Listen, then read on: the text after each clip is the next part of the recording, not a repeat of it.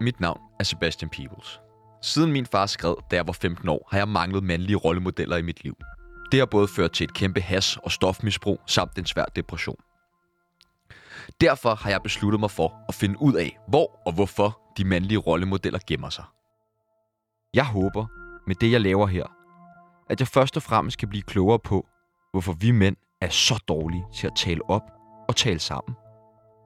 For det er måske det, som det hele handler om.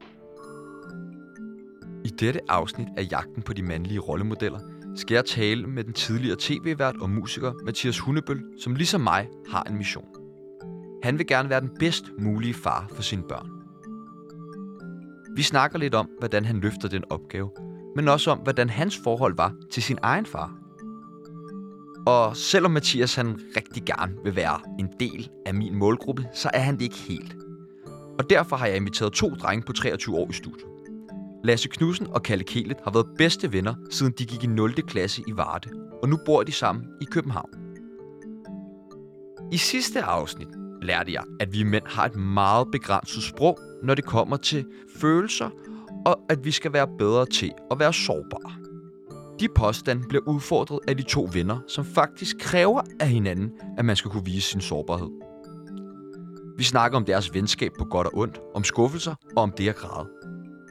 Men først skal vi høre om Mathias' mission, som har udmundet sig i podcasten Fucking Far. Øh, Jeg røg jo lidt i sådan en... Nu er jeg blevet far skyttegrav, da jeg blev far, og er der jo nok lidt stadigvæk, fordi jeg, også, jeg holdt op med at være musiker, så jeg definerede mig ikke som musiker længere. Jeg lavede en masse fjernsyn stadigvæk. Du er i gang med et nyt program nu. Nu har man jo lidt set dig i Dagens Mand og lidt på Paradise, og, og nu er det ikke TV3 den her gang. Nej, men jeg har simpelthen... Øh, TV3 har givet mig lov til at, at lave et enkelt program på MTV, fordi at, at MTV var der, jeg startede som vært for 10 år siden, må det være. Men jeg lavede ikke ting, jeg var stolt af. Altså, jeg var sådan et... Jeg, altså, det var, det var, det var, du ved, det er skide sjovt at være vært på Dagens Mand, men jeg gad ikke se det selv. Vel? Altså, så jeg manglede også en selvforståelse. Den fik jeg, da jeg lige pludselig blev nogens far. Der var sådan, nu skal jeg skulle tage mig lidt sammen. Altså, jeg har kørt på, jeg har kørt på øh, rutinen i 10 år. Ikke også? Altså, Mm. øh, byen torsdag, fredag, lørdag, øh, du ved, træt søndag, mandag, og arbejde hårdt tirsdag. ind i onsdag nogle gange også, ikke? ikke også? øhm, så da jeg ligesom kravlede ned i den der farmandsverden, så kiggede jeg mig omkring og bare sådan, hvor fanden er mine forbilleder? Mm. Der var ingen. Nej. Der er ingen. Og hvis der endelig er nogen, så de få, der er, er sådan helt udholdeligt frelste. Øh, altså, det er ligesom om, at hvis du er en, en åbenmundet far, så er du samtidig også øh, krystalhealer øh, og, og rø- røgelsesproducent og, og, går, øh, og går i bar til året rundt. Altså, og jeg manglede den der lidt mere håndgribelige, cool far, der både kunne vise, prøv at, jeg har et job, jeg dyrker, jeg er ikke flyttet til Møn og, og, og hjemmegående. Mig selv, nej, nej, jeg lever stadigvæk. Jeg har stadigvæk ambitioner, men min største ambition, det er mine fucking børn. Kan du fortælle mig kort om Fucking Far-podcasten, som du har lavet sidste år? Jamen, det, det kom så egentlig af, at øh, jeg, jeg er selv blevet far, og har undret mig over, at det også er et emne, hvor kvinderne ligesom øh, med rette har taget til den, og i virkeligheden er det kun kvinder, som øh, tør vise, at de faktisk går op i at være forældre. Øhm, der er masser af podcast. Der er hele sådan øh, blade for kvinder om at være mor. Der er øh, messer for kvinder om at være mor, eller være kvinde, eller, du, du ved, jeg skal komme efter dig. Og der var ikke noget for mænd, så jeg havde bare lyst til at give mændene en, en, et, et, et talerør og prøve at få mændene til at sætte ord på, hvad det betyder for dem at være forældre. Jeg gad ikke at sidde og snakke om, hvad for nogle blæer de bruger, eller øh, hvordan, øh, hvad for en rytme har I med amningen. Altså, det er jeg fucking ligeglad med. Men jeg havde lyst til at vise, at det er faktisk fedt at, at vise, at man føler lige så meget for sine børn som mand, som man gør som kvinde. Også for at være med til måske at skabe en revolution og sige, jamen, de børn, jeg er med til at opfostre nu, og øhm, som du kommer til at lave om et par år, når du finder en, øh, en dejlig dame, der ved det, ikke også? Øhm, lad os lave dem til den første generation af børn, der ikke vokser op med et fucking faderkompleks. Og faderkomplekser, det har jeg jo både stort kørekort til og sort bælte i. Og derfor var jeg også meget nysgerrig på, hvordan Mathias forsøger at løfte rollen som far. Hvis du som mand ikke kan fortælle dit barn, du elsker ham, så skal du fucking lade være med at blive far. Altså, sådan har jeg det. Altså, hvis du... Altså, hvi- hvis du ikke får børn for at elske dem, og for at, at guide dem, og for at interagere med dem, og for at involvere dig i deres liv, hvorfor fanden har du så fået dem? Altså, så, så, så, så, så det er også noget med, at man ligesom skal sige, altså, øh, du går jo også på arbejde for at gøre en forskel. Du skal sgu også huske det derhjemme, der skal du også gøre en forskel. Og, øh, og også husk ikke at være sådan en far, der springer over, hvor gear der laves, for det er fandme nemt at gøre, at gøre børn glade ved bare lige at give dem iPad'en. Fordi det er jo fedt at få en iPad at sidde og rode med. Det er fedt at få en slikpose. Det er fedt, men det er sgu federe at tage i skoven og, øh, og, og finde kæppe, der ligner svær, og så fægte. Altså, det er sgu federe, men det kræver lidt mere som far. Så, så, så, så det er måske sådan nogle, sådan nogle øh, benspænd, jeg, jeg giver mig selv, at, at jeg må sgu ikke tage den nemme løsning for tit. Hvad er der sket med fuglen, Basse? Den, den er død Hvor skal fuglen hen? ned i hullet. Ned i hullet, ja. Og hvad skal vi så plante ovenpå den? En sten skal jeg plante ovenpå. Ja, og en brumbærbusk, ikke også? Hvordan var dit forhold til din egen far? Jamen, min, min opvækst var lidt underlig. Øh, I hvert fald for den tid. Fordi mine forældre blev skilt, da jeg var fire, men jeg flyttede med min far. Så jeg var egentlig alene med min far. Øh, i- ja, så så jeg min mor hver anden weekend. Så jeg er egentlig vokset op med en far, som egentlig ikke havde så stort overskud, for han var stresset og, og blev, jeg tror også, han blev slået meget ud af den der skilsmisse. Øh, det var ham. Det var min mor, der gik. Øh, så, øh, så jeg er ret tæt med min far, men er vokset op med at savne min mor rigtig meget. Altså. Men, Altså, så, så, så, så man kan sige, hun var der jo, men hun var der jo ikke hele tiden, vel? men hvordan, hvordan så du din far, da du var barn? Øh, Altså, for jeg husker i hvert fald i forhold til mig selv. Jeg er indtil mine forældre de blev skilt, jeg var 10 eller 11, og faktisk også lang tid efter, så puttede jeg min far op på en eller anden pedestal, og han var en eller anden superhelt. ja, men det, jeg, jeg tror, øh, jeg rykkede med min far, og han var nok den af mine forældre, der var mindst ressourcestærk. Så jeg tror i virkeligheden, det var lidt omvendt, at jeg lidt følte, at jeg skulle passe på min far, og tage meget hensyn til ham. Og ikke, øh, hvis jeg ikke havde det så godt, så viste jeg ham det ikke, for jeg ville ikke bekymre ham. Så, så, så jeg led på en anden måde. Øh, jeg puttede ham ikke på nogen pedestal, øh, men, men, fordi, men han var der jo hele tiden. Vi spiste sammen, vi legede sammen, men min far var ikke sådan, du ved, han, han havde ikke den der type far, som havde overskud til at, du ved, hver tirsdag, torsdag til ned og se mig træne fodbold og sådan noget. Det måtte jeg lidt klare selv. Så, så Men føl, har du følt, du manglede noget? Mm, ja, altså, min far... Øh, nej, det ved jeg faktisk ikke helt. Jeg tror, jeg tror, det jeg følte, jeg manglede mest, i hvert fald dengang, det var jo det der med, det var min mor. Fordi min far var der jo hele tiden, og, og øh, mm, ja, det, det, er prøv, det er jo tunge ting, det her. Altså, jeg ved det faktisk ikke. Jeg tror... Øh, altså, når jeg sådan husker, hvordan min far var, da jeg var lille, så var min, min far, han var... Øh, det var ham, der altid byggede carporte for folk, og så havde vi en båd, så vi var tit ude at sejle. Så min far var sådan en mand, der gjorde ting. Øh, og så fik jeg lov at Som hjælpe. er meget mandeagtigt, ja, ja, Det er jo den, mande- i hvert fald i forhold til den der stereotype forestilling af en mand, ikke? Det er jo Meget en, der får noget til at ske. Og, og når min far skulle lave aftensmad, så var det, så var det enten øh, hotdogs, eller, eller biksemad, eller, eller med spejlæg til, og sådan noget. Så du ved, det var meget mande-mandet. Øhm, øh, så Hvor er det så kommet fra hos dig, at du er, hvad jeg vil sige, en følsom mand? Så hvor er det kommet fra? Er det et oprør med det, du ikke havde hos din far? Jamen, det, er det, det er helt sikkert et, et... Altså, jeg tror, man laver altid... Ens oprør er jo altid en blanding af et oprør, men hvor man tager det gode med os. Så selvom man ligesom... man vil ændre på noget, men man, det kan jeg jo selv se, når jeg bliver far nu, at man tager også meget med. Så meget af det, man kan huske fra sin egen barndom, af de gode ting, vil man jo gerne genskabe. Du ved, jeg vil gerne være sådan en far, som når vi skal lave et legehus, så er det ikke mig, der bygger det, og så får han lov at lege med det. Nej, han, han skal være med til at bygge det. Fordi sådan var min far. Så man kan sige, men jeg har ikke sådan minder om, at min far var sådan typen, der kyssede og krammede mig så meget. Men jeg kysser og krammer helt vildt, fordi det var måske det, jeg manglede. Så selvom ens far er fysisk til stede, så kan han stadig godt mangle på en måde. Modsat Mathias' far, så kyssede og krammede min far mig meget, og han fortalte mig altid, at han elskede mig. Men problemet var bare, at min fars handlinger ikke bakkede hans ord op, og det ledte til et hav af skuffelser for mig. Som vært på Dagens Mand og en karriere som rockstjerne, har Mathias nok været en rollemodel, eller i hvert fald en form for idol for flere unge mænd. Men, men hvem er munden Mathias' egne rollemodeller? Da jeg begyndte at spille musik og var ved at blive sådan rimelig professionel, så var der på et tidspunkt, hvor jeg tilfældigt i byen møder øh, en musiker, som, som jeg selv havde været fan af nogle år før. Øh, Hvem er der tale om her? han hedder Carsten Dines, og han er egentlig ikke sådan kendt navn mere, men han sang et band, der hedder Strawberry Slaughterhouse, som var sådan Danmarks største sådan pop-punk band. Øh, før Kashmir og de der bands der.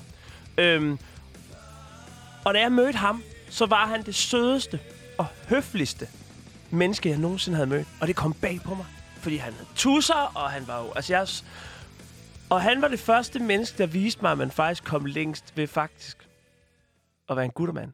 Altså, han var fuldstændig uden ego.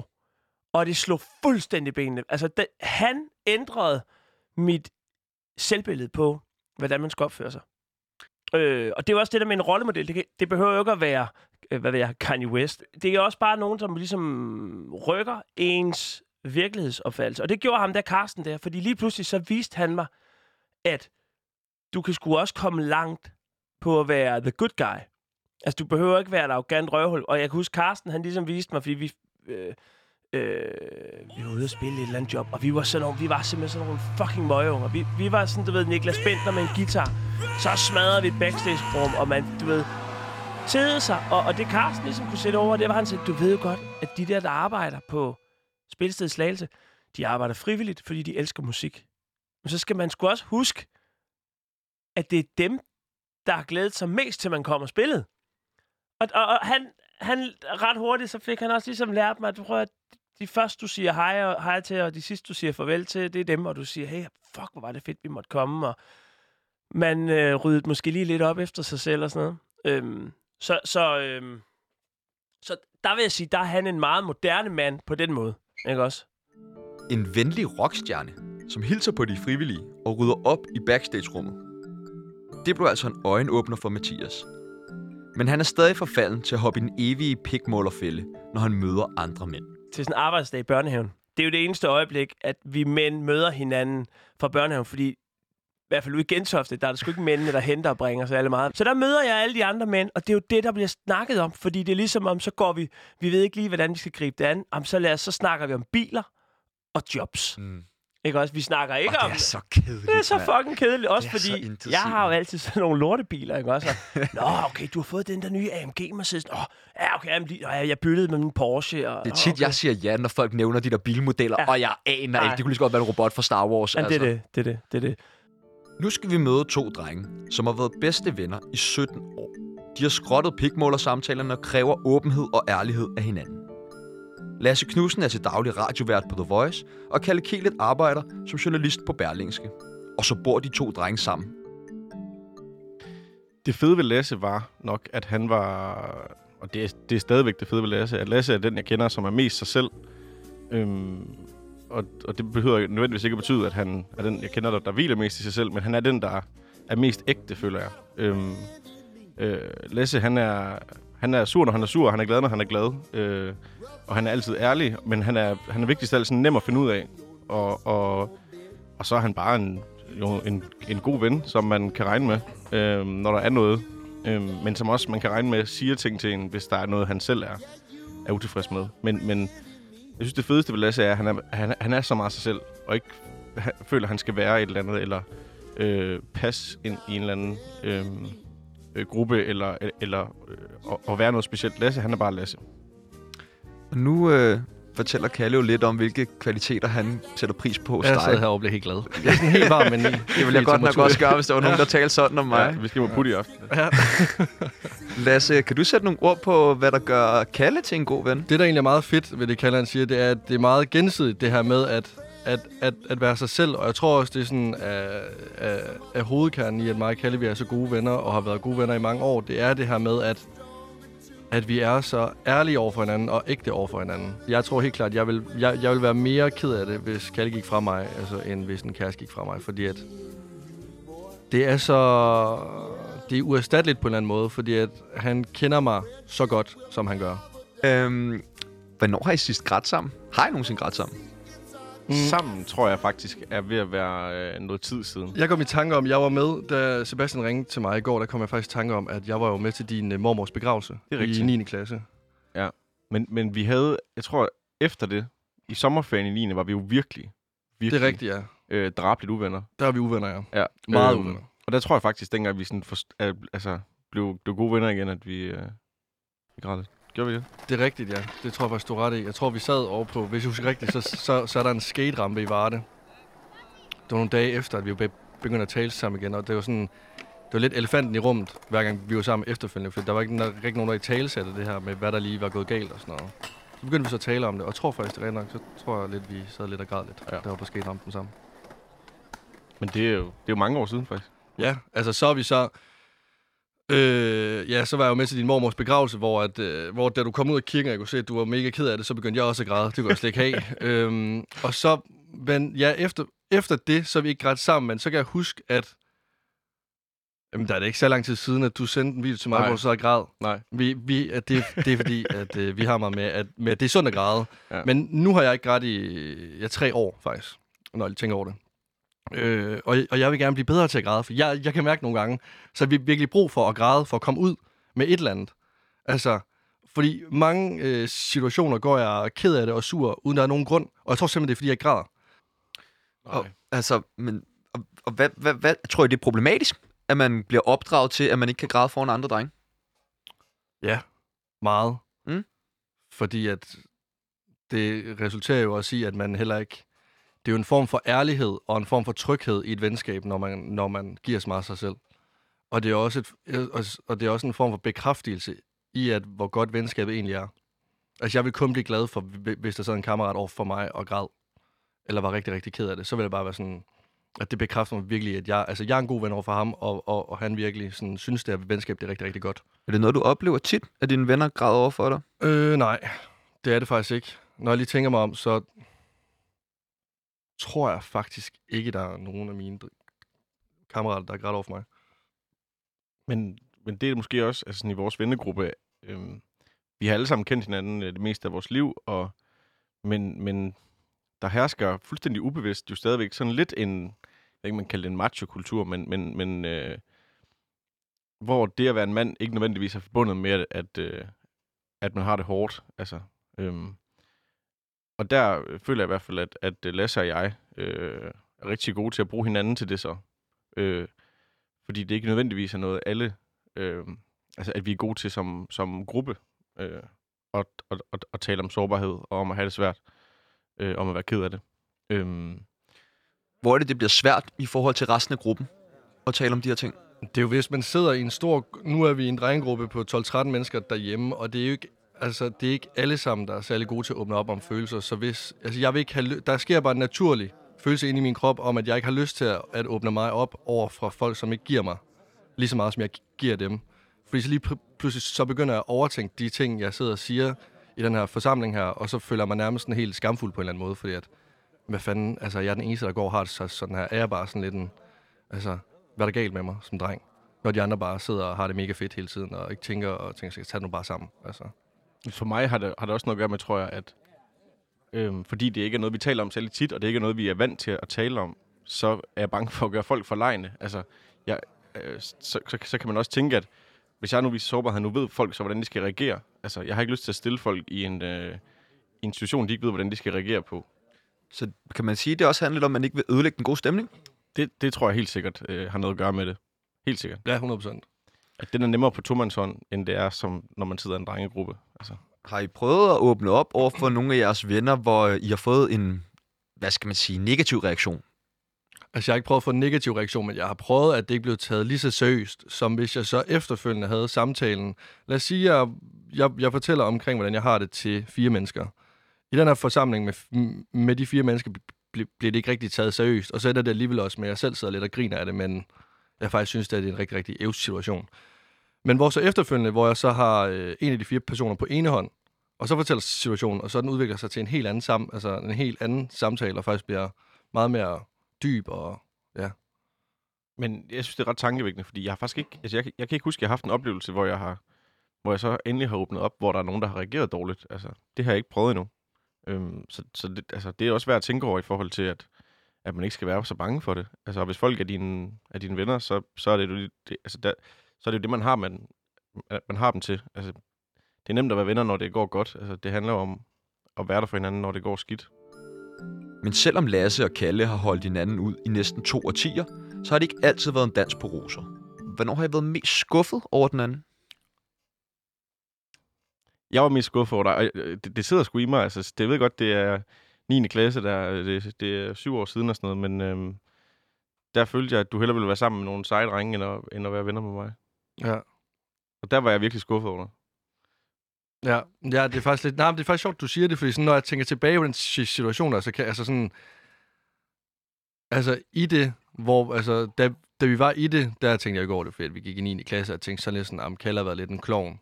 Men når jeg så bliver ældre og tænker tilbage, så er jeg sådan lidt... Jeg skulle også lidt... Også lidt en pinlig og lidt skamfuld reaktion. Altså, jeg kom med sådan skrottet en ven, jeg havde i så mange år, og altså... Den kunne blive håndteret på så mange måder, i stedet for bare at ignorere en person. Kan du fortælle lidt mere om, hvad der skete? Nej, men det det var, det var, at vi var øh, fire drenge, der hang meget ud. Og øh, altså 9. klasse, og øh, der er sket mange ting. Og så er der et eller andet med, at Kalle har sagt et eller andet dårligt om os. Øh, dårligt om, øh, om os til nogle andre.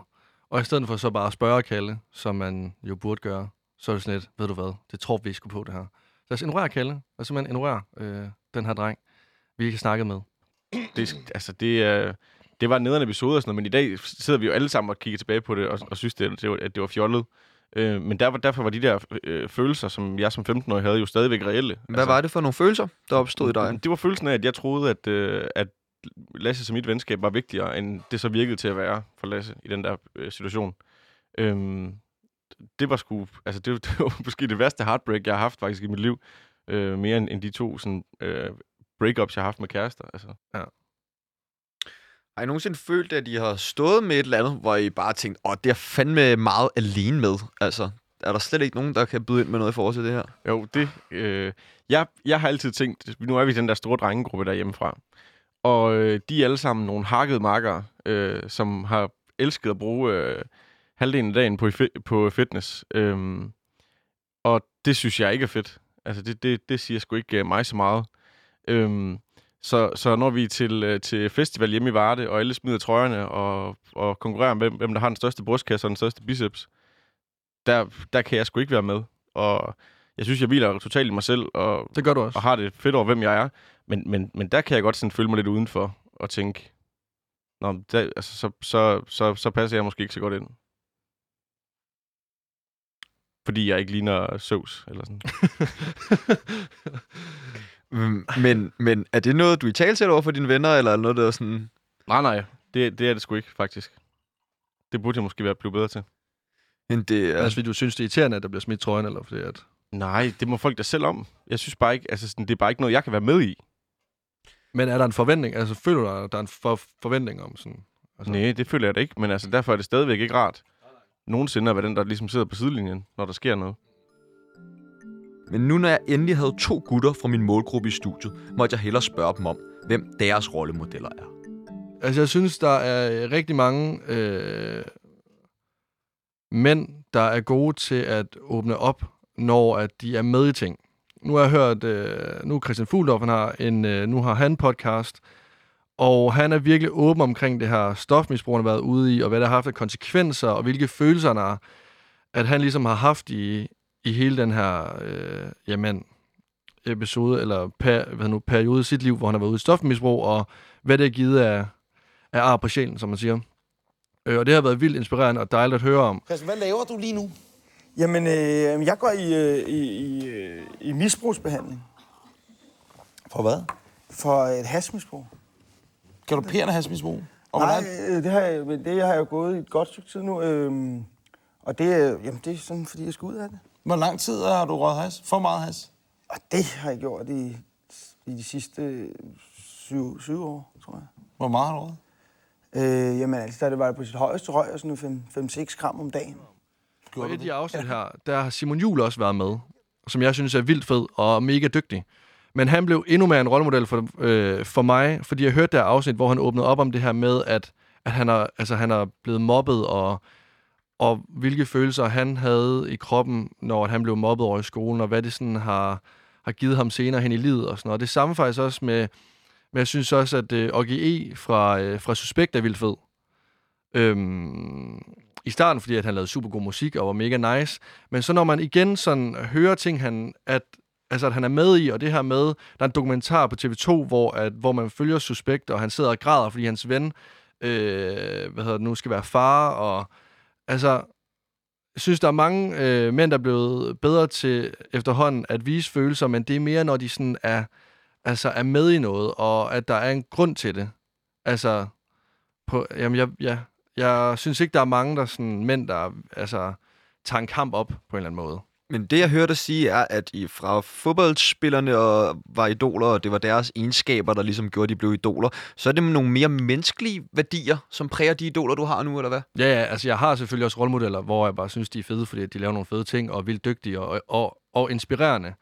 Men så er de inspirerende, for, eller de er inspirerende, fordi at, at det er noget, jeg gerne selv vil arbejde med.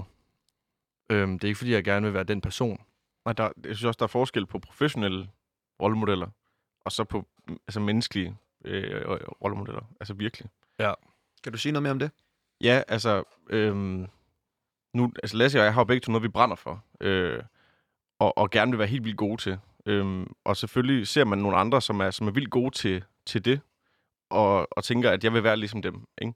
Øhm, men det behøver jo ikke at betyde, at, at altså, i- det ligger der ikke noget i, hvem, hvem de er, øh, uden for deres arbejde, eller, eller det, de laver. Øhm, så, så, så der er det også vigtigt at have nogle rollemodeller i forhold til, hvem man faktisk gerne vil være som, som menneske, for det, det er jo ikke defineret af, øh, altså, det, det produkt, man, man laver på sit arbejde. Øhm, så, så jeg, altså, og, og, som, og som barn har man måske meget af de der professionelle idoler, øh, og så får man mere og mere de der menneskelige forbilleder. Et godt råd til drenge, der gerne vil øh, have stærkere og mere sårbare relationer med deres venner. Øh, det er mega fedt at være mange drenge sammen. Det er noget af det fedeste, og der kommer nogle mega sjove oplevelser ud af det. Og sådan.